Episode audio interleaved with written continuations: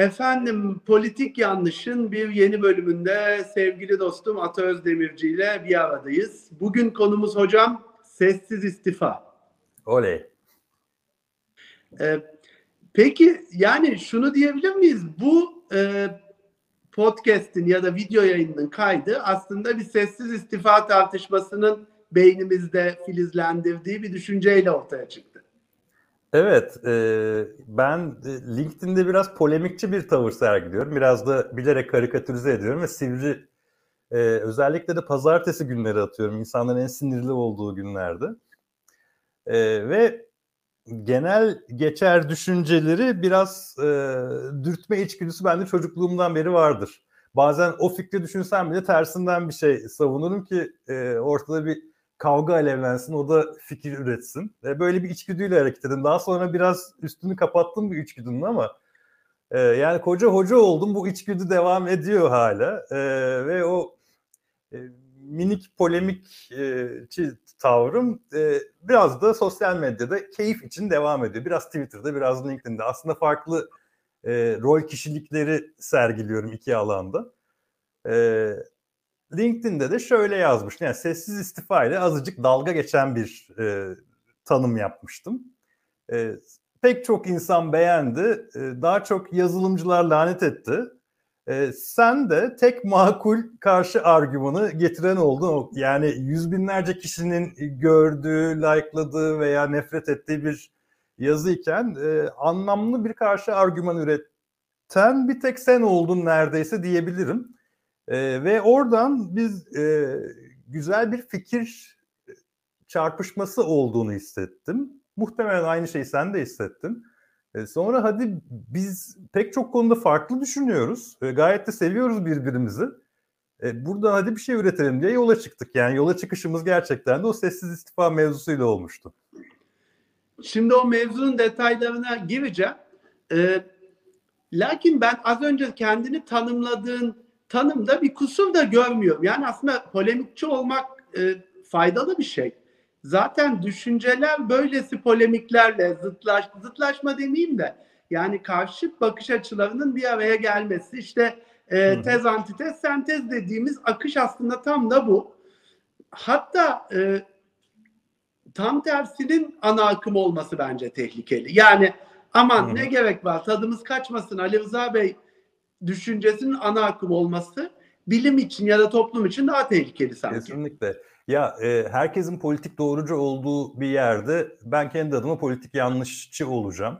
Ama e, insanların herkesin birden politik yanlışçı olduğu yerde e, arkadaşlar birbirinizi biraz fazla kırıyorsunuz galiba. Biraz daha usturuplu konuşalım diyen de ben olurum muhtemelen. E, yani evet. zihnim galiba o şekilde çalışıyor. Geçen nerede birisi bir yorum yaptı bayıldım. Ee, herkesin takım elbiseli olduğu yerde takım elbisesiz olan, herkesin hı hı. serbest olduğu yerde takım elbiseli olan kişi en doğru kişidir gibi bir yorum vardı. Çok hoşuma gitmişti. Tabii burada bir referans noktası problemi ama yani dünyaya bakışını aslında başkaları belirliyor burada. Zıt da olsa yine başkaları belirliyor ama tam bir dünyaya bakış da değil. Ee, bir fikir üretelim hadi buradan yeni bir yere gidelim gibi bir tavır aslında. Bir dünyaya oturmuş bir dünyaya bakış gibi e, düşünmemeliyiz bence. Doğru. Bir yandan da şu var. Mesela az sonra sessiz istifa konuşmaya başlayacağız. E şimdi sessiz istifa aslında bu masa etrafındaki iki kişinin e, doğurduğu bir polemik değil. Yani baktığında hmm. iş dünyasının eğer milatı endüstri devriminde alırsak 200 küsür yıllık işte eğer e, modern IT devriminden sonra alırsak en az 30-40-50 yıllık kentleşmeden sonra alırsak yine o kadarlık kökü olan ancak ismi hı hı. yeni konmuş bir fenomen. Zaten hocam e, mevzu bahis LinkedIn postunda tam onu söylemiştim. Demişti ki bu dünün mevzusu ya da bugünün hı. mevzusu değil. Zaten şirketin e, şirkette olup bitene heyecan duymadan e, ruhsuz gözlerle bakarak katılan hmm. insanlar sessiz istifa etmişti. Bunun adını bugün koymak yeni bir şey söylemek değildir demiştin. Ben de ona karşı çıkmıştım ama bugün tekrar karşı çıkacağım. Belki de başka bir yerden karşı çıkacağım. Bu yeni bir şey hocam. Kökenli ve eski de olmakla birlikte bu yeni bir şey ve şuradan getireceğim. Nasıl Z yeni? kuşağının dün olmayan ne var mesela şu anda? Dün olmayan şu var. Bir, e, sessiz istifa vardıysa da aslında bu sessiz istifa sessiz değil. Z kuşağı bunu gümbür gümbür sosyal medyada Hmm. özellikle TikTok'ta yayıyor. Eğer bunun adına salla başa al maaşı diyeceksek bu salla başa al maaşında sinsi bir tavır var.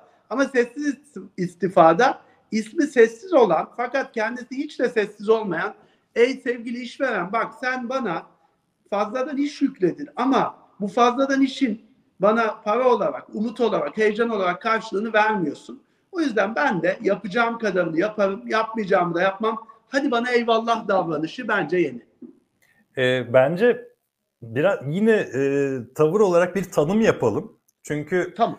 e, sen bence bilerek de tanımın ötesine geçtin. Ne yaptın? Dedin ki fazla iş yüklenenlerin yaptığı bir şeydir dedin. E, halbuki bu sebeplerinden sadece bir tanesi olabilir. Hadi bir tanımlayalım mevzuyu. Sessiz istifa ne? E, sessiz istifa şu, e, kişinin çalışırken yaptığı işle ve kurumla ilgili anlam duygusunu kaybetmesi, çeşitli haksızlıklar nedeniyle, e, emeğinin karşılığını alamadığını düşünmesi nedeniyle, gördüğü kötü davranışlar nedeniyle, e, yaşantısının aslında o kadar da iyi olmaması nedeniyle küsmesi ve küsmesine rağmen de gitmemesi. Şimdi buradaki gitmemenin de bir üzerinden e, geçmeniz lazım. E, ama bu kavramı e, ilk tanımlayanlardan bir tanesi Karl Marx. Ne demiş? Alienation demiş. Yabancılaşma diye çevirmişiz biz. Aslında alien, yaratıklaşma. Neyi kastetmiş Marx? Sanayi devrimi ve hemen öncesi ve hemen sonrası e, yaşanan seri bant devrimini, üretim devrimini biliyoruz. Biz sistemleri mükemmel hale getirdik, insanları önemsiz hale getirdik. Yani kocaman bir dişlinin bir parçası yaptık. Meşhur Charlie Chaplin filmindeki gibi akşama kadar vida sıkan adam haline getirdik insanları. Günlük emeğini bu şekilde geçiren bir insan önce emeğine yabancılaşıyor. Yaptığı işin nihai sonucunu görmüyor çünkü. Sadece şu hareketi yapıyor ve aslında bir otomobil fabrikasında çalıştığını bile unutuyor. Emeğinin ürünle olan ilişkisini, e, insanlarla olan ilişkisini tamamen unutuyor. Emeğine yabancılaşıyor. E, eline yabancılaşıyor, koluna yabancılaşıyor, kendi bedenine yabancılaşıyor ve topluma yabancılaşıyor. Marx bunu böyle aşama aşama bu şekilde tarif etmiş ve e, bunun aslında korkunç bir süreç olduğunu, e, bunun bir insanlık suçu olduğunu söylemiş. Ve Marx'a katıldığım nadir e, cümlelerden bir tanesidir. Bu yüzde yüz haklı bence. Ve biz yıllar sonra e, yanılmıyorsam 2008-2009 o yıllarda e, şöyle bir hipotezi ortaya attık. Dedik ki bu Marx'ın dönemindeki sanayi işçileri için yapılmış bir şeydir ama bugünün e, ünlü ERP firmalarının basit ekranlarında çalışan çalışanların ya da kocaman bankaların e, basitleştirilmiş günlük rutin işleri yapılan ekranlarda çalışan beyaz yakalıların da başına gelen bir şeydir bu. Hadi bunu ölçelim dedik ve e, bankacılık sektöründe korkunç bir yabancılaşma yakaladık. Yabancılaşma ölçeğini çat diye koyduk ve çok yüksek bir yabancılaşma yakaladık sene 2008-2009. E, dolayısıyla bu mevzunun insanın emeğine yabancılaşması ve e, emeğiyle nihai ürün arasındaki bağın kopmasının korkunç bir şey olduğunu ben de farkındayım. E, bunun bir aşama daha ötesine geçelim. Pasif agresif davranış. Pasif agresif davranış geliştirir pek çok çalışan. Şimdi şimdi burada bir virgül verelim. Tamam. Ee, önce tanıma ben de bir katkıda bulunayım. Ee, zaten ben şaşırdığım bir şekilde yani Marksist tarafı ben temsil etmeyi umarken sen zaten benim adıma e, o tanımı yapmış oldun. Gerçekten de bu yani bence emek sermaye arasındaki makasla en kolay açıklanabilecek bir durum. Elbette ki kuşak, elbette ki teknoloji, elbette ki az önce örneğini verdiğin iş kollarıyla da payı var. Ee, ancak emek ve sermayenin doğal karşılıklı aldığı konumlardan birisini e, yeni kuşaktan arkadaşlar güzel bir paketle isimlendirdi. Marx'ın ki bence de doğru ama kaba bir tanım, yetersiz kalıyor. Yani e, yabancılaşmadan daha derin bir durum var. Hep zaten buna hayıflanmışımdır. Keşke Marx Freud'dan sonra ya da Freud Marx'tan önce de olsaydı da Marx biraz daha insanın iç yolculuğuna dair bu terminolojiye de kafa yormuş olsaydı hep bunu istemişimdir. Hı hı. Şeye dönecek olursak, tanıma dönecek olursak bunun tek sebebi yabancılaşma da değil. Yabancılaşma sebeplerinden birisi. Bence bir diğeri e, şey bölümü, çıktının bölüşümü.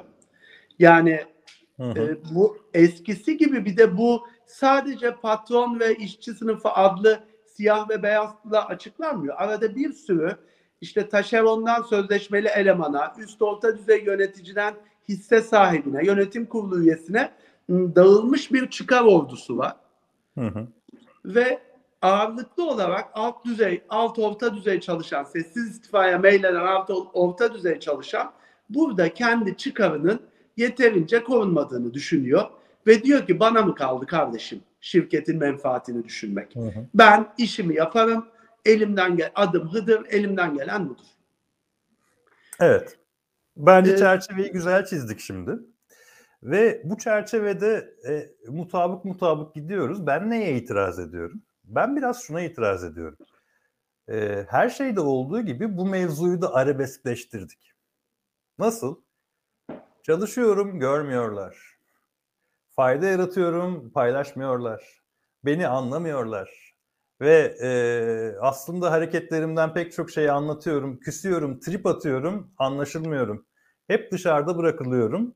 E, beni bir türlü görmüyorlar. Ben de o zaman küstüm abicim. Azıcık çocukça bir tavır. E, kimi şimdi parantezin dışında kimi bırakıyorum? E, akşam eve ne ekmek götüreceğinin derdinin tasasında olan mavi yakayı geride bırakıyorum. Neredeyse mavi yaka kadar maaş alan, aşağı yukarı hatta pek çok pek çok şirketin içine girdiğim için biliyorum e, usta başlarından daha çok daha az kazanan giriş seviye beyaz yaka. Henüz daha öğrenme aşamasında olan, henüz e, çok kolay transfer olamayacak olan e, ve gerçekten geçim sıkıntısı çeken insanlar. Bu burayı dışarıda bırakıyorum çünkü dışarıda e, bırakmazsam azıcık ayıp olmaz mı? Adam akşam eve e, ne yemek yiyeceğini düşünen, ayın sonu nasıl getireceğini düşünen insanı e, o zaman istifa et kardeşim demek azıcık ayıp.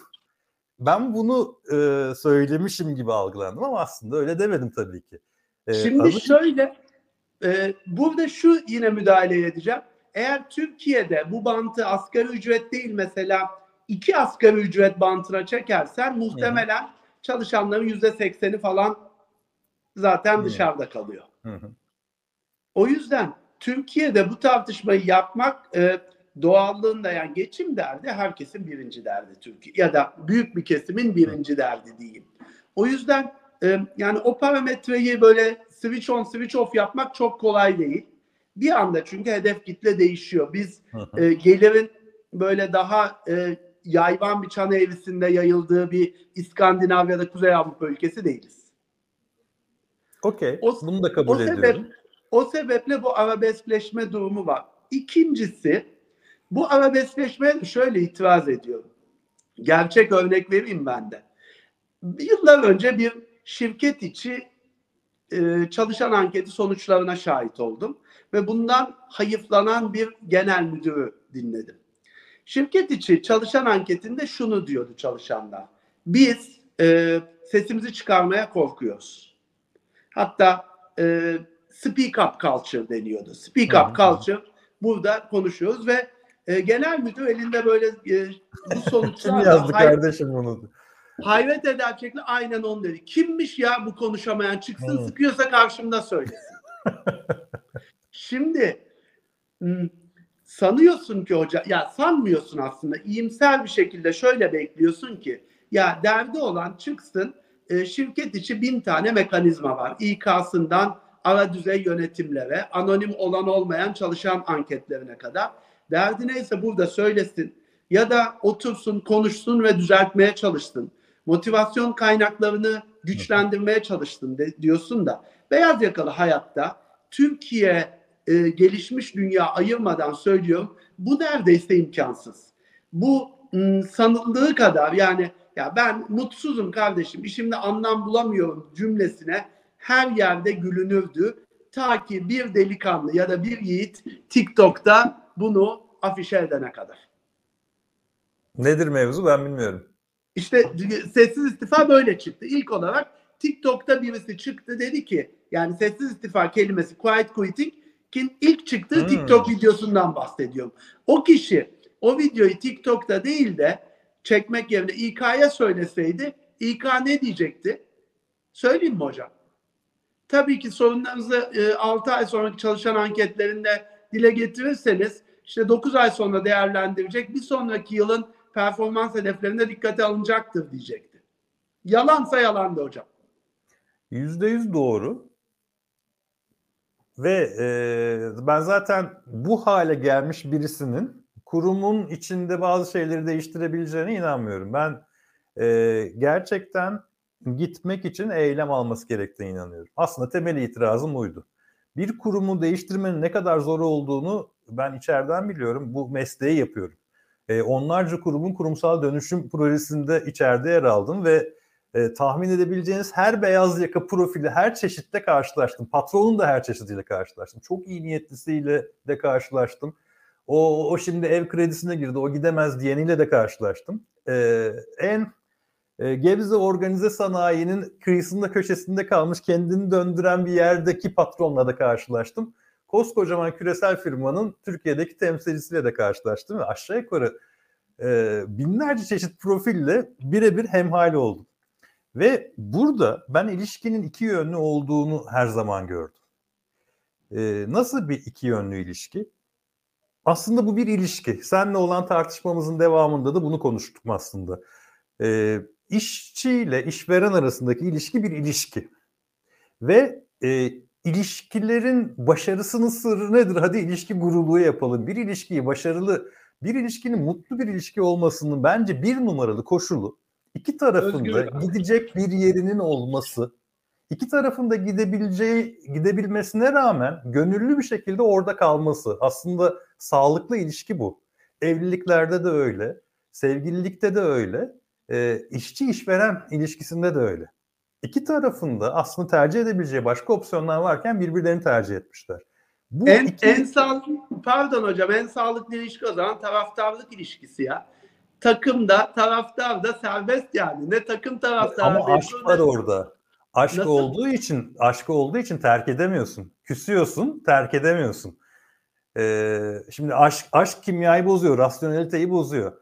Ee, ve bir taraf bir, bir tarafa karşılıksız aşk be- e, beslediği için ne kadar sopa yese de kalıyor orada. Bak sağlıksız ilişki oluyor zaten orada.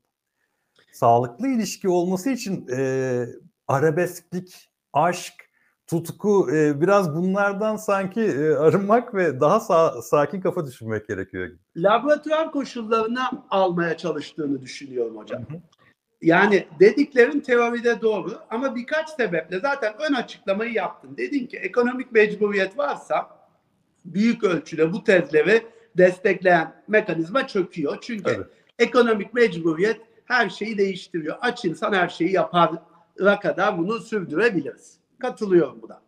Ama zaten kolay kolay yani gerçekten de Türkiye'de işte demin farazi bir iki asgari ücret diye bir sınır çizdim. Hı hı. Çalışanların mavi yaka beyaz yaka büyük çoğunluğunun bu barajın altında ya da hemen üstünde olduğunu düşünüyorum. O yüzden ekonomik Net mecburiyet var. Yüzde 65 mi ne asgari ücret alıyor Türkiye'de. işte onu Bütün, demeye çal- bütün çalışanların Ha, 2x'e çıkardığında bu yüzde 85-90'ı bulur eminim. bulur bulur. Ee, o yüzden de zaten as ve iki asgari ücret de Türkiye şartlarında öyle aman aman da bir ücret değil zaten. Hı hı. Ee, o yüzden de ekonomik mecburiyet bugünkü yayınımız boyunca gizli özne olarak her cümlemizde var bir kere. Fakat şunu söylemeye çalışıyorum. Tamam diyorsun ki ya huzur bulamıyorsa, tadı kaçıyorsa, anlam bulamıyorsa gitsin. Fakat ben bu sorunun daha sistematik olduğunu ve Kavafis'in meşhur şiirindeki gibi yeni bir ülke bulamazsın, yeni bir şehir bulamazsın, bu şehir arkandan gelecek diyorum. Çünkü o şirketten bu şirkete de gittiğinde aslında birbirini örnek alan kurumsal hatalı mekanizmalar var. Adına sen demin Marx'ın yabancılaşmasından örnek vererek Hı. yabancılaşmış hatta çürümüş ya da kaotikleşmiş şirket mekanizmaları var. E, ego sorunları var. bence kendini değiştirmekte çok zorlanan şirket kültürleri var. Ve az önce e, ağırlıklı olarak yabancılaştığını örnek verdiğin banka çalışanlarını düşünelim. Yani siyah bankadan ayrılıp beyaz bankaya gittiğinde e, işler 180 derece değişir mi hocam? Mümkün mü böyle bir şey? Ee, çok şaşıracağım bir şey söyleyeceğim. Mutlu çalışan vardır, mutlu şirket vardır ve gözlerimle defalarca görme şansına sahip oldum. Biraz öğrenilmiş çaresizlik var bu konuda gibi geliyor. Öncelikle biraz tasnif edelim. Ee, ne tarz şirketler aslında nasıl bir e, mutluluk seviyesi yaratır? Ee, bizim işletme yönetiminde iki tane ekol var. Bir tanesi birbirinin tamamen zıttını söylüyorlar aslında ama ikisi de hayatta. Bir tanesi süreç yönetimi. Yani insansızlaşma. Aslında havalı bir adı var. Process management. Süreçlerini mükemmel hale getireceksin. Sistemini mükemmel hale getireceksin. Öyle bir sistem kuracaksın ki e, en vasatadan bile geldiğinde o sistem tıkır tıkır çalışacak. Kahramana ihtiyaç duymayacaksın. Akıllı adama ihtiyaç duymayacaksın. Bunun literatürdeki havalı karşılığı süreç yönetimi. Biz e, bunu bir skalada belirtirsek, bir skalanın bir ucuna organik kurum yapısı, bir ucuna da mekanik kurum yapısı diye bir skala koyabiliriz. Bu skalayı da üç şey oluşturuyor. Ee, işte kararlar ne kadar merkezi alınıyorsa o kadar mekanik oluyor. Süreçler ne kadar yapılandırılmışsa, prosedürler ne kadar satır satır yazıldıysa o kadar mekanik oluyor. Bir Hiyerarşi... saniye bir araya girebilir miyim? Hı hı. Şu son bir dakikalık muhabbeti seven herkes için tam bu kareye link koyuyorum. Ata Özdemirci'nin işletme yönetimi e, derslerini baştan sona izlemenizi tavsiye ederim. Ben izledim. Ee, bir şirketin, bir işletmenin nasıl yönetildiğini bayağı sokaktaki insanın anlayabileceği bu tane tanelikte anlatıyor. Çok pardon hocam. Seni senle bölmüş oldum. Eyvallah. Ee, ben de fazla ders anlattığımı fark etmiş oldum senin bölmenle. Sonuna geliyorum. Bu organiklik, mekaniklik skalası e, mekaniğe doğru gittiğinde verimlilik artıyor ne azalıyor? Çalışan mutluluğu azalıyor. Çalışanların e, aldıkları ücret azalıyor. Çünkü daha vasat çalışanla da çalışabiliyorsun böyle şirketlerde. E, daha vasat çalışanlarla da yönetebiliyorsun sistemi. E, ve hareket kabiliyeti, neşe, e, inisiyatif kullanma, yeni bir şey yaratma bunlar bayağı bir azalıyor. İnovasyon, yeni iş geliştirme, heyecanlı bir iş yapma, bir proje başlatma falan bunlar azalıyor bir kurum ne kadar organikse bunlar artıyor ama bu sefer de e, işte birim verimlilik düşüyor. Burada da mekanik mi daha iyidir, organik mi daha iyidir sorusunu 1970'lerde bayağı analiz yapmışlar. Demişler ki şöyle şöyle çok e, stabil çevrelerde mekanik daha iyidir. İşte e, düşük kalifikasyonlu çalışanların olduğu şirketlerde mekanik daha iyidir e, işte bant tipi üretim yapıyorsan, bisküvi üretiyorsan mekanik daha iyidir. Çünkü işçinin inisiyatif kullanmasını istemezsin. Azıcık daha şeker koyayım, e, benim oğlan biraz daha şekerli seviyor demesini istemezsin. Milimine kadar yazarsın onun e, gramını. Mekanikleşiyor.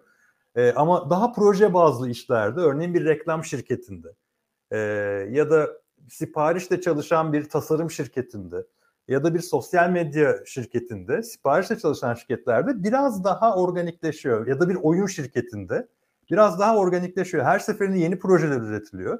Daha zeki adamların çalışması gerekiyor. Daha yaratıcı bir atmosfer oluyor. Ve orada senin temel katma değerin makine değil insan olduğu için insana inanılmaz yatırım yapıyorlar. Para veriyorlar, bayağı eğlenceli yanaklar veriyorlar. Ee, ve bu şirketlerde çalışanlar hem yaratıcılıklarını sergileyebiliyorlar hem de keyif alabiliyorlar. Şimdi birkaç istisna var. Çok zevkli işlerde de insanlar ekstradan sömürülmeye başlanıyor. Tam bunu ee, söyleyecektim. Film endüstrisi. Cehenneme giden taşları döşemeye başladın evet. hocam. Evet. O, o da şöyle. O da şöyle. Şimdi bizim geleneksel endüstriler dediğimiz buna üretim diyebilirsin, e, buna fabrikasyon ürünler diyebilirsin, gıda tarım diyebilirsin. Bazı kısıtlar var. Yani bu kısıtlar doğal kısıtlar oluyor. Tarım sektöründe çalışan kişilerin hangi mevsimde hasat yapacağı belli. Hı hı. Ee, bunu yöneticisi şey diyemiyor. Ya öyle bir şey yap ki sen e, bu meyve 12 ay versin diyemiyor. Tamam zorluyor genetiğini değiştirerek falan da 3 aydan 7 aya çıkartıyor. Atıyorum otomotiv endüstrisindesin. Ya bantının hızı belli. Evet ustabaşı hadi arkadaşlar çabuk hadi moral bozmuyoruz diye. Ben buna eminim sen de defalarca şahit oldun. Baya taraftar gazlar gibi gazlıyor ustabaşları çalışanları. Hadi gençler birer vida daha sıkıyoruz diyor. Ama orada da yine doğal, fiziksel ya da mekanik, çevresel bazı limitler var. Ee, istediğin kadar gıda endüstrisinde sayarım. Yani e, bisküvi üretiyorsan sonuçta öyle ya da böyle atıyorum senin kutu tedarikçinin sana yollayabildiği karton kutu bir şekilde doğal bir sınır oluşturuyor sana. Gel gör ki hizmet sektöründe, yaratıcı sektörlerde ortaya konabilecek ürünün, elde edebilecek cironun teorik sınırı yok. Yani e, Google çalışanlarının teknik olarak satabileceği reklamın, yazabileceği kodun, efendime söyleyeyim koddaki yapabileceği iyileştirmenin, e, bir sosyal medya ajansındaki çalışanların yaratabileceği müşteri memnuniyetinin, alabileceği in- Instagram etkileşiminin, yaratabileceği kahkahanın sonu yok. Ve zaten bu sonu olmayışı biraz da sonsuz bir döngüye bitmeyen bir işe dönüştürüyor. O yüzden de ajanslarda hep ajanslara baktığımızda şahanedir ya çalışma ortamı. Şortla gidersin, kedinle, köpeğinle, kaykayınla işte happy hour'lar olur, partiler olur. Ee, ne bileyim işte e, ofiste uyursun. Ne varsa odur ama bir yandan da ajanstakiler bitmeyen bir işten söz eder değil mi hocam? Ve ücretleri de son yıllarda bayağı bir düştü bu insanların farkındaysanız. Yani öyle işler var ki kapısında insanlar kuyruk oluyor. Mesela bir dizi setinde çalışmayı çok istiyor radyo televizyon mezunları. Ee, işte bir reklam ajansında çalışmak pek çok üniversite mezunu gencin hayalidir. Ve buralarda da zevkli işlerin sömürüsü denilen bir şey başlıyor. Zevkli işler, zevkli sektörler, acayip e, keyifli gidebildiğini, içeride elektronik müziğin çaldığı şirketlerde de e, maaş sömürüsüne rastlamıyor değiliz. Aşağı yukarı her bölümde herhalde bir Umut Sarıkaya göndermesi yaptık. Belki hatırlarsın şöyle bir Börekçi. Börekçi.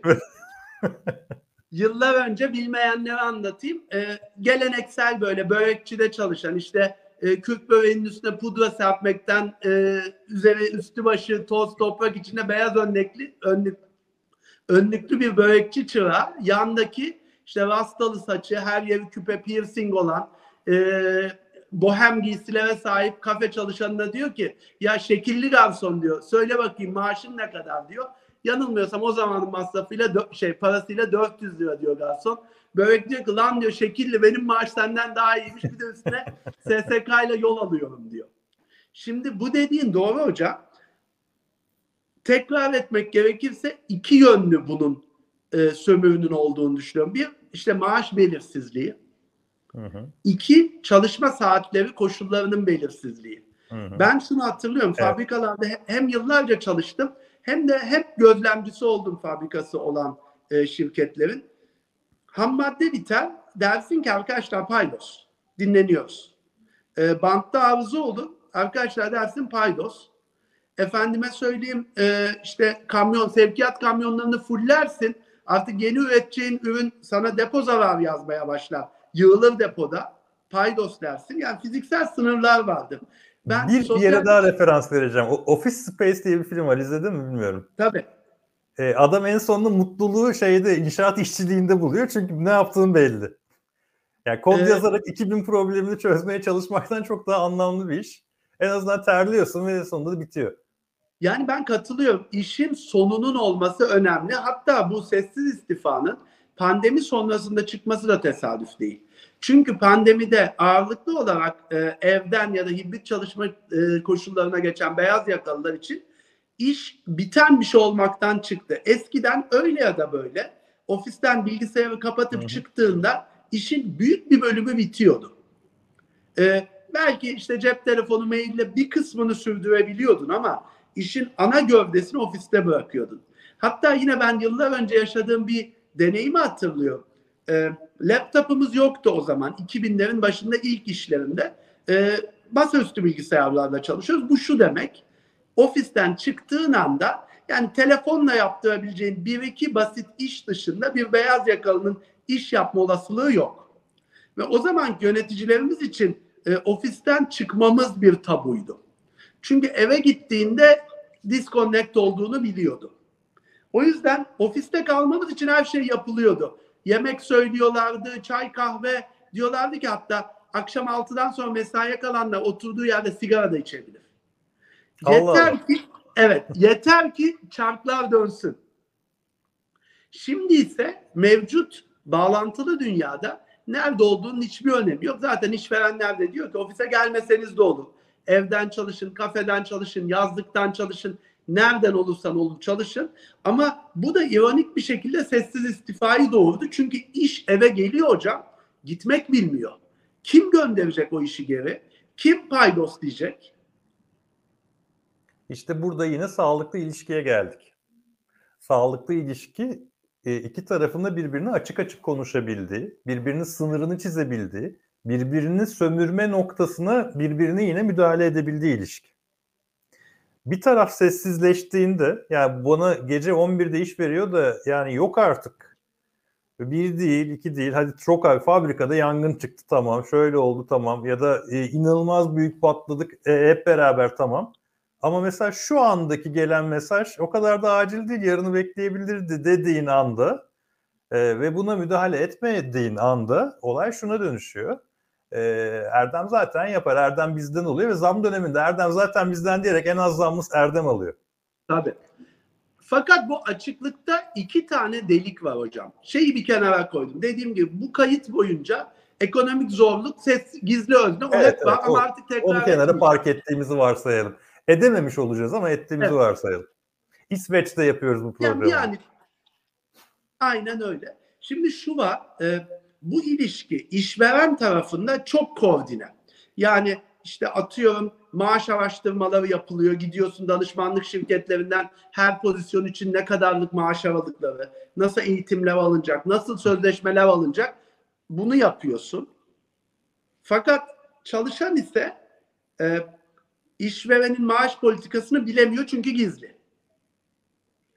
E, kendisiyle aynı işi yapan, yan masada oturan, kendisiyle aynı gün o işe başlayan, hatta belki işte eğitimi bile denk olan kişiden az mı alıyor, çok mu alıyor bilemiyor. Ben geçen gün Şimdi- saydım. Bu anlattığın vakayı %100 düzelttiğin firmanın sayısı 12 olmuş.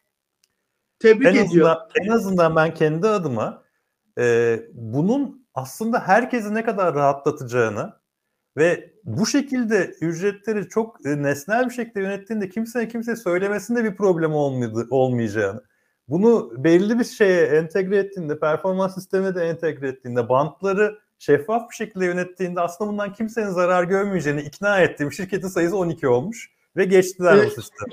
Yapılabiliyormuş çözmek- yani. Çözmek ve ikna etmek ne demek hocam? Maaşların şeffaf olması mı? Ee, ona ikna etmeyi başaramadım hala. Ama e, maaşların nasıl yönetildiğini şeffaf bir şekilde anlattırmayı başardım. Yani e, şuradaki uzman yardımcısı piyasanın 13. bandının medyanından alacaktır. E, medyanla Q1 arasındaki skalada da yolculuğunu yapacaktır. Uzman yardımcısı uzman olduğunda da 14. banttan alacaktır. Yavaş yavaş oradan yükselecektir. Kıdemli uzman olduğunda da 15. banttan alacaktır. Ve biz şirket olarak ne ilk %20'lik şirketiz ne son %20'lik. Biz tam medyandan veren bir şirketiz. Patronlara ben bu kararı verdik diyorum. Her sene 10-20 gün kurşun kalemle çalışacağınıza bir kere şu kararı verin diyor. Yani bir kere bir kere acı çekeceksiniz. Ben medyandan mı vereceğim? Piyasa ortalamasından vereceğim. Piyasa ortalamasının %20 altından vereceğim. Bak buna da razıyım. Yeter ki bunu bana söyleyin diyorum.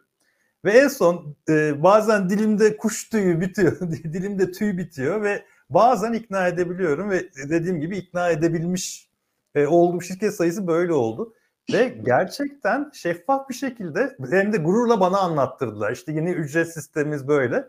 Burada şöyle vakalar çıkıyor. Bandın altında olanları yani şöyle bir band çıkıyor. Kişinin aldığı ücrette bu çıkıyor. Buraya çıkartma maliyeti var. Ben bir hesap çıkartıyorum. Herkesi birden medyana çıkartma maliyetiniz size şu. inanılmaz bir rakam çıkıyor. O zaman bu inanılmaz rakamı 2 seneye, 3 seneye yayarak çıkartın. Yani bir tavan da belirleyin ve deyin ki insanlara sana 3 sene boyunca enflasyon üstünde vere vere seni medyana çıkartacağız. Birdenbire bunu yapamıyoruz. Ee, bu problem böyle çözülüyor. Üstte Hocam- olan da Dokunmuyoruz üstü olana da. O da enflasyon oluyor, devam ediyor. Hocam teşekkür ediyorum ve bu maaş yönetim sistemiyle ilgili senin kaç yıldır ne kadar emek verdiğini biliyorum. Performans yönetim sistemiyle ilgili. Sadece akademik olarak değil, sektörel olarak da.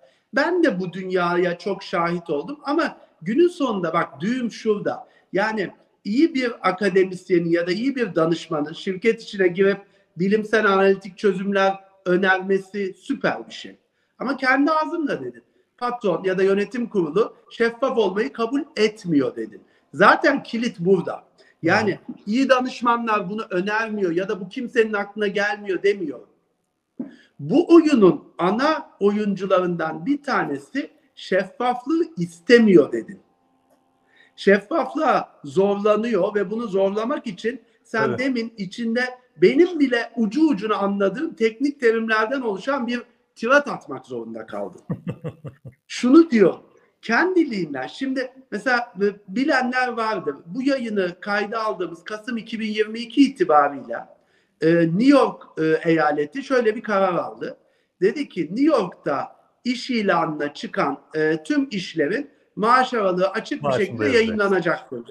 Hayalimdeki Ee, dünya. Bir haftadır bakıyorum hocam. Bugün gördüğüm ilanı söyleyeyim mi maaş aralığını? 125-250 bin dolar. Aralık mıdır bu? Yani Kurala uyuyor ya. şimdi eskiden eskiden gazete iş ilanlarında şey yazardı ya ücret dolgundur.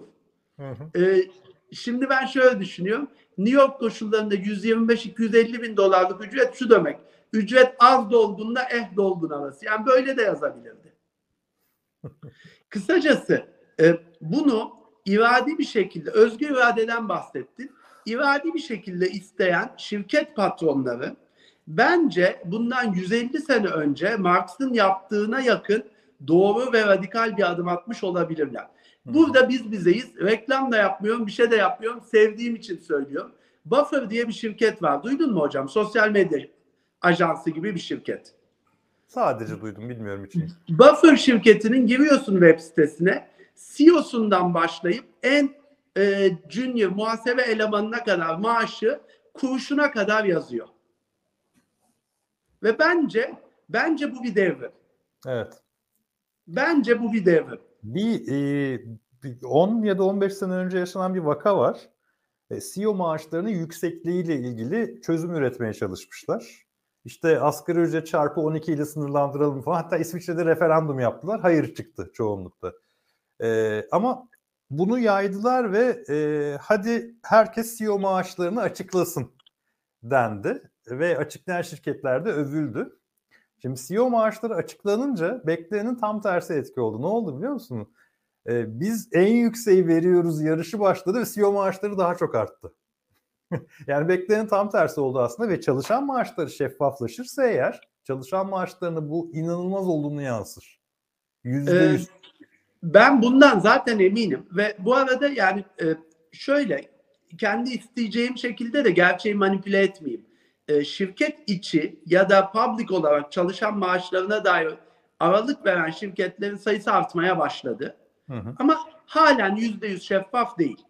Nereden geldik bu tartışmaya? Şuradan geldik. Dedin ki hocam e, sessiz istifa edenler, ey sessiz istifa edenler, mert olun, küseceğinize, pasif agresif yapacağınıza Hı hı. e, tavrınızı ortaya koyun dedim. Ben de dedim ki bu tavrı ortaya koymanın önünde iki engel var. Bir, maaşlar e, şeffaf değil. O yüzden de çalışan hakkını alıyor mu almıyor mu bilmiyor. Sömürülüyor mu sömürülmüyor mu bilmiyor. E, piyasada e, dedin ya beğenmiyorsan git abi piyasa şirket dolu. Piyasada hakkını alacak mı almayacak mı onu da bilmiyor. Evet. Şimdi bu demokratizasyon olmadan çalışana sen niye Aslında Adam Smith'in hayali gerçekleşemiyor. Yani fiyatlar kendini dengeler diyor ya aynı şey iş gücü piyasasında da geçerli. Şeffaflık Şimdi hocam- yeterli şeffaflık olsa bu dengelenme yaşa- yaşanacak. Bu şeffaflığın önünde hala ciddi engeller var. Mesela bir site vardı hatırlıyor musun? Glassdoor.com. Hala, Hala var, çok pardon. Bir, bir Türk versiyonu yapıldı bunun sonra. Unuttum şimdi adını. İşkolik, işkolik. İşkolik. Sonra birisi muhtemelen satın aldı o siteyi ve patlattı içindeki rakamları. Tabii. 6 sene öncenin rakamları duruyordu en son baktığımda. Ve e, Türkiye'de Türkiye'ye özel e, bildiğim kadarıyla bu hala yok. LinkedIn e, slash salary Amerika'da çalışıyor şu anda ve her sektördeki sen e, medyan maaşları da biliyorsun, en iyileri de biliyorsun, en düşükleri de biliyorsun ve gerçekten aralığı öğrenebiliyorsun. Bu gerçekten hiç zor değil ve bir hayalim var. Hayalim şu, örneğin e, okul. Okullarda e, ücret farklılıkları var özel okullarda biliyorsun. Bu ücret farklılıkları gerçekten öğretmen maaşlarına yansıyor mu? Hayır yansımıyor. Hatta çok daha yüksek ücret alan okul daha düşük maaşla öğretmen çalıştırıyor ve sen daha kaliteli bir okula gönderdiğini düşünüyorsun. Aslında en kaliteli öğretmenler ve en çok e, hakkı verilen öğretmenler ve doğal olarak da öğretmen iyileri de oraya kayıyor. Başka bir okula doğru gidiyor.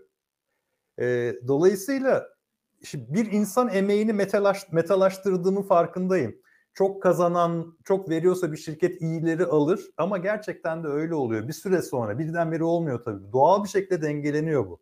Ve sen benden piyasanın en yüksek okul ücretini talep ediyorsan öğretmenine de aynı oranda yüksek verdiğini göstermeni istiyorum. Benim hayalim evet. sadece okullara yönelik olarak bu şeffaflığın sergilenmesi ben ben bu söylediğim ütopyanın gerçek olma yani sadece okul değil hiçbir sektörde bu böyle değil ki. Sanıyor musun ki işte az önceki börekçi ve şekilli garson örneği.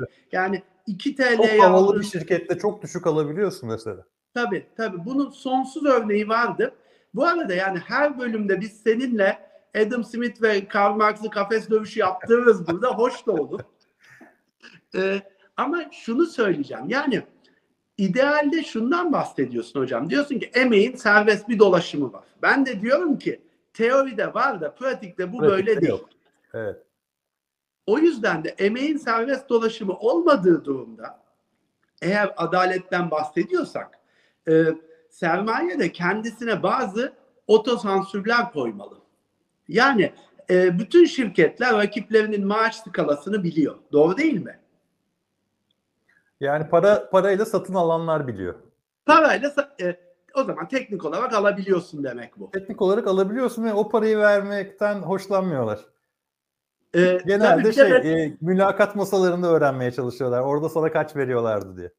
Evet mesela bu bu aslında gay şimdi bu etik dışı davranışları yapan şirket yöneticileri vay efendim niye pasif agresif yaptın? E yapar kardeşim.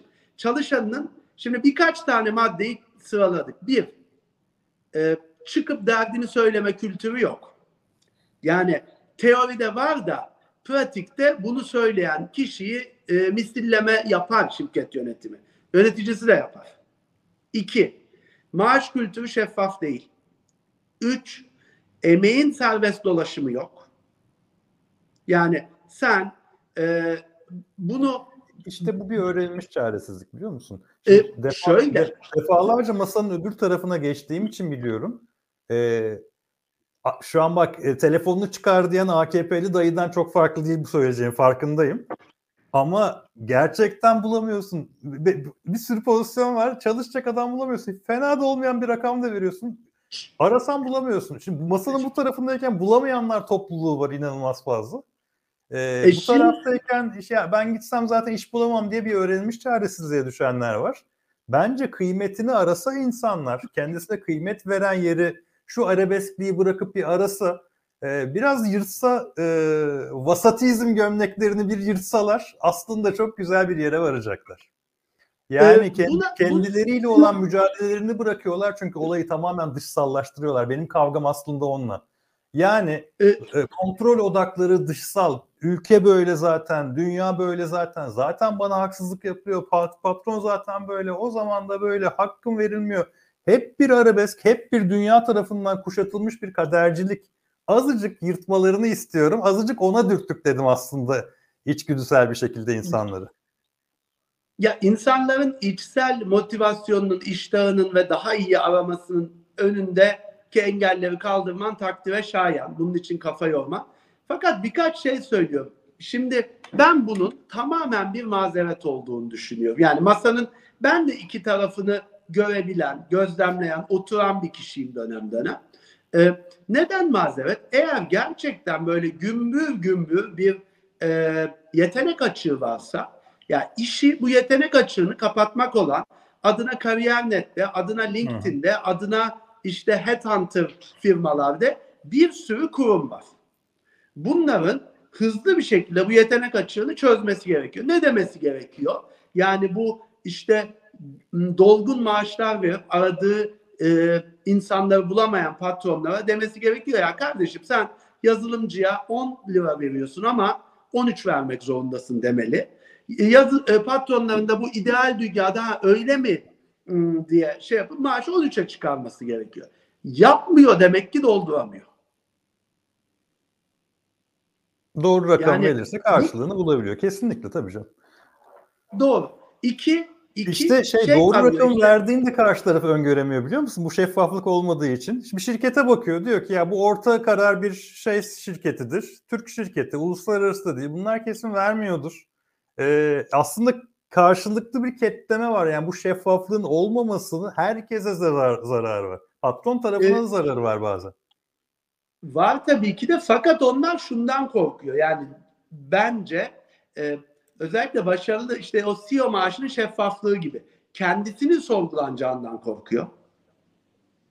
E, yönetim kurulları ya da patronlar kendi gelirleyen bu şeffaflığın kendi gelir ve gelir kaynaklarını sorgulanacağından korkuyor. Genellikle İki- içerideki çalışanlardan korkuyorlar. Ya ya burada bir kıskançlık olursa mesela IT'ciler daha çok kazanıyor.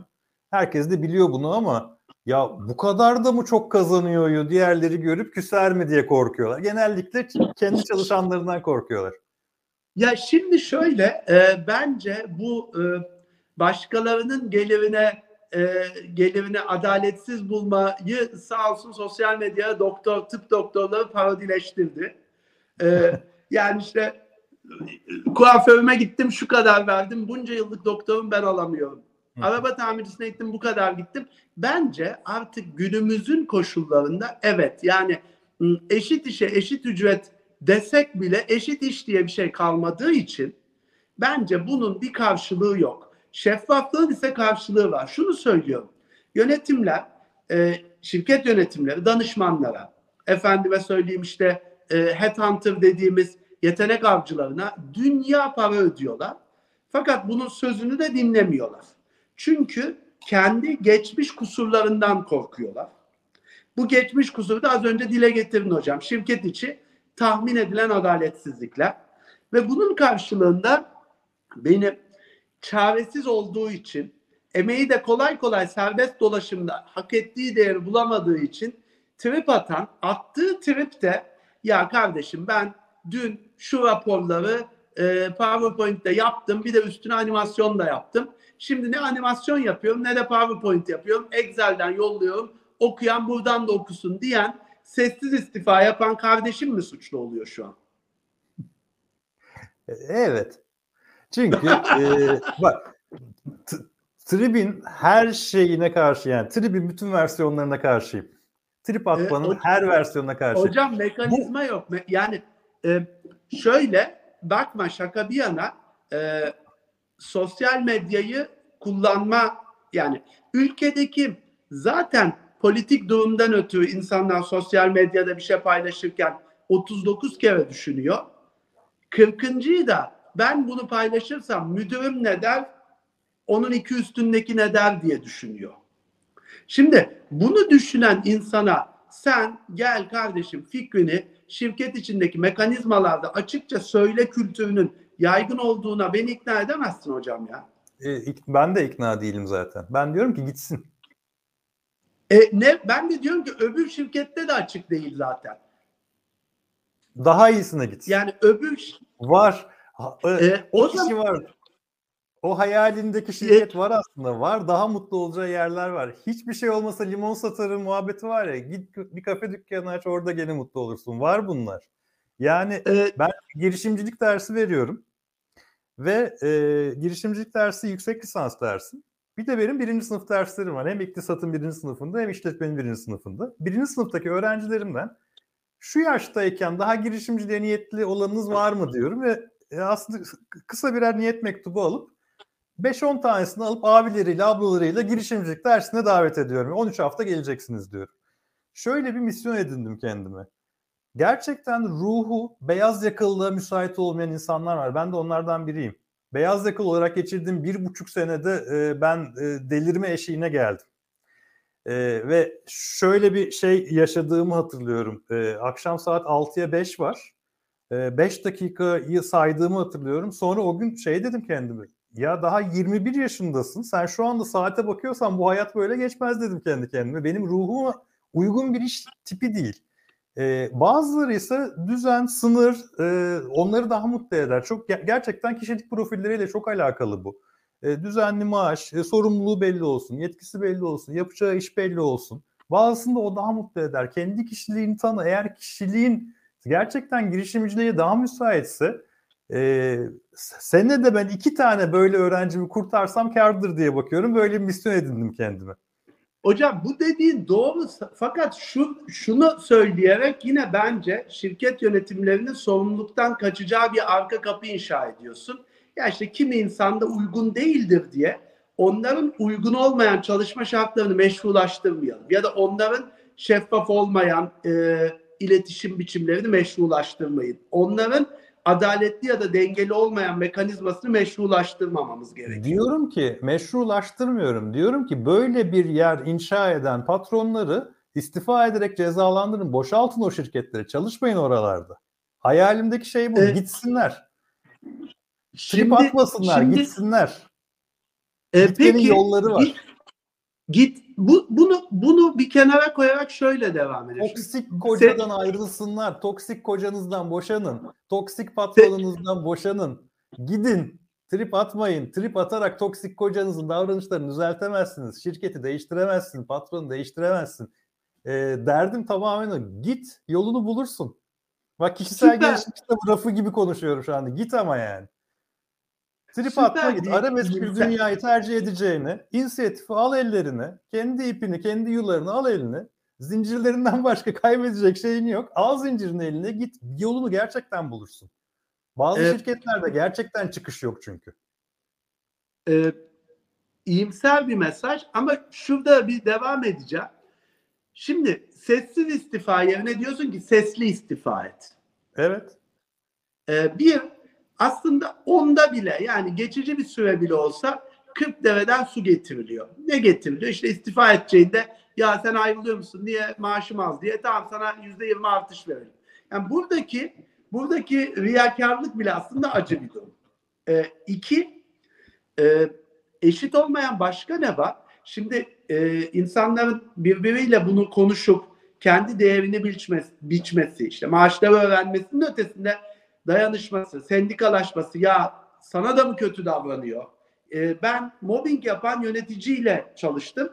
E, aynı mobbinge uğrayan insanların bunu yan masasındaki kişiyle dertleşmesi böyle seneler sürdü bu cesareti bulması.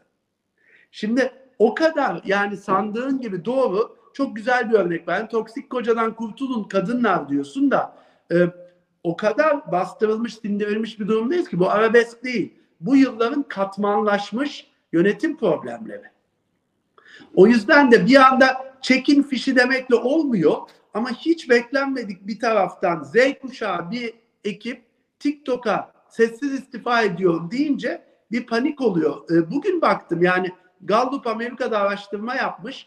Ben işimle e, engage değilim. Yani işimle hı hı, etkileşimim hı. yüksek değil diyen Amerikalı çalışanlar %50'den fazla. Z, Z kuşağı niye etkiledi hepimizi? Niye Z kuşağından bahsediyoruz biliyor musun?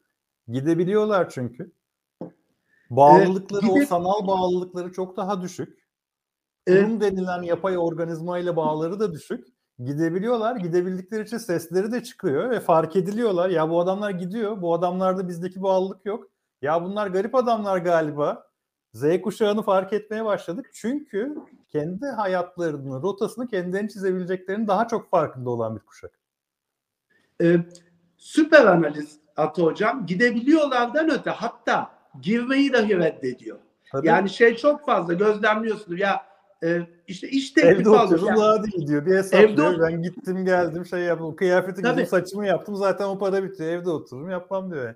Bu, bu bizim yani işte biz seninle X, Y kuşağının tam geçiş hattındayız.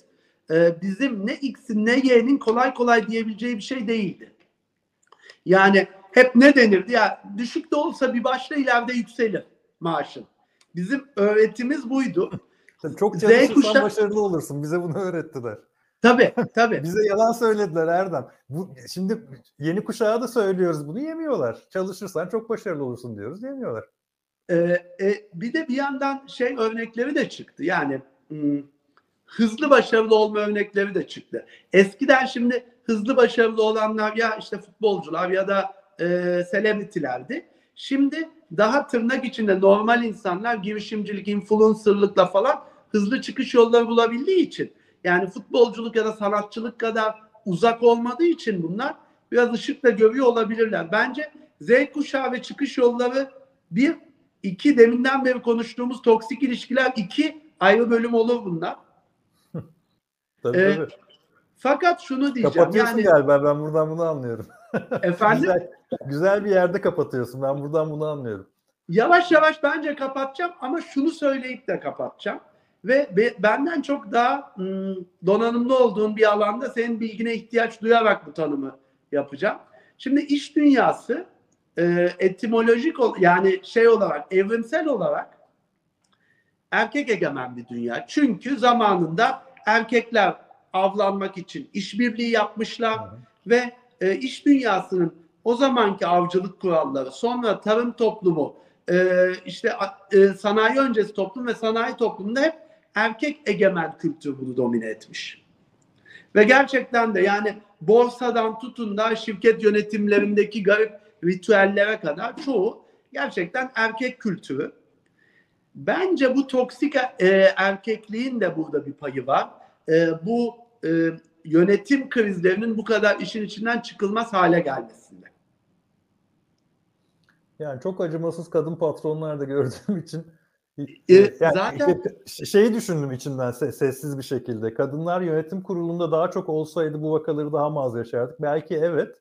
Ama aklıma öyle de örnekler geliyor ki gene hayal kırıklığına uğruyorum.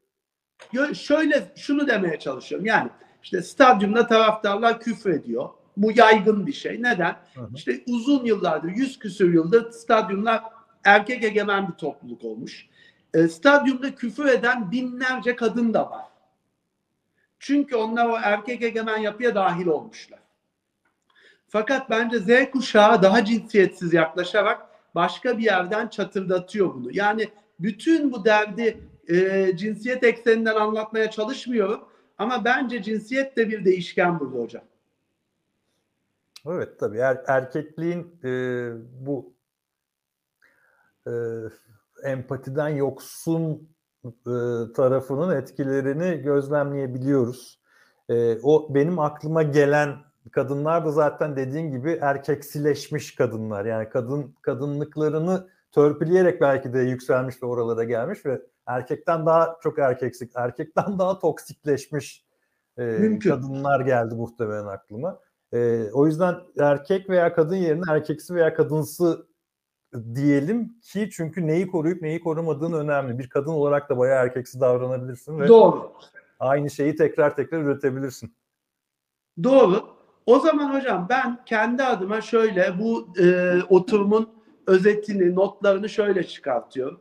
Sevgili izleyiciler, sevgili dinleyiciler, Ata Hoca diyor ki e, dışarıda e, size sizin değerinizi daha iyi bilecek alternatifler var ve bu Evet. 1, 2, 3 gibi istisnai değil onlarca, yüzlerce, binlerce Var. var.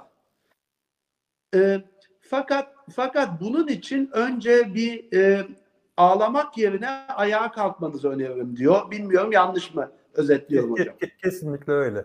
Ayağa kalktın, çırpındın, gene uğraştın, gene olmadı. Ee, e, ilk ben üzüleceğim söz.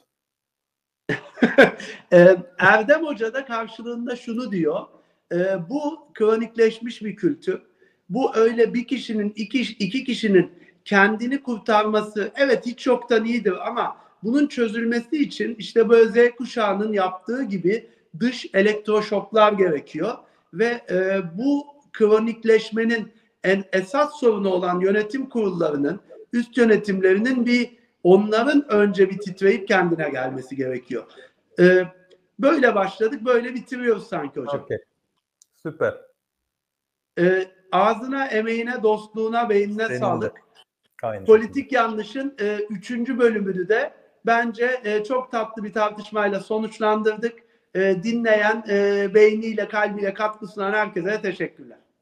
Görüşmek üzere. Hoşçakalın.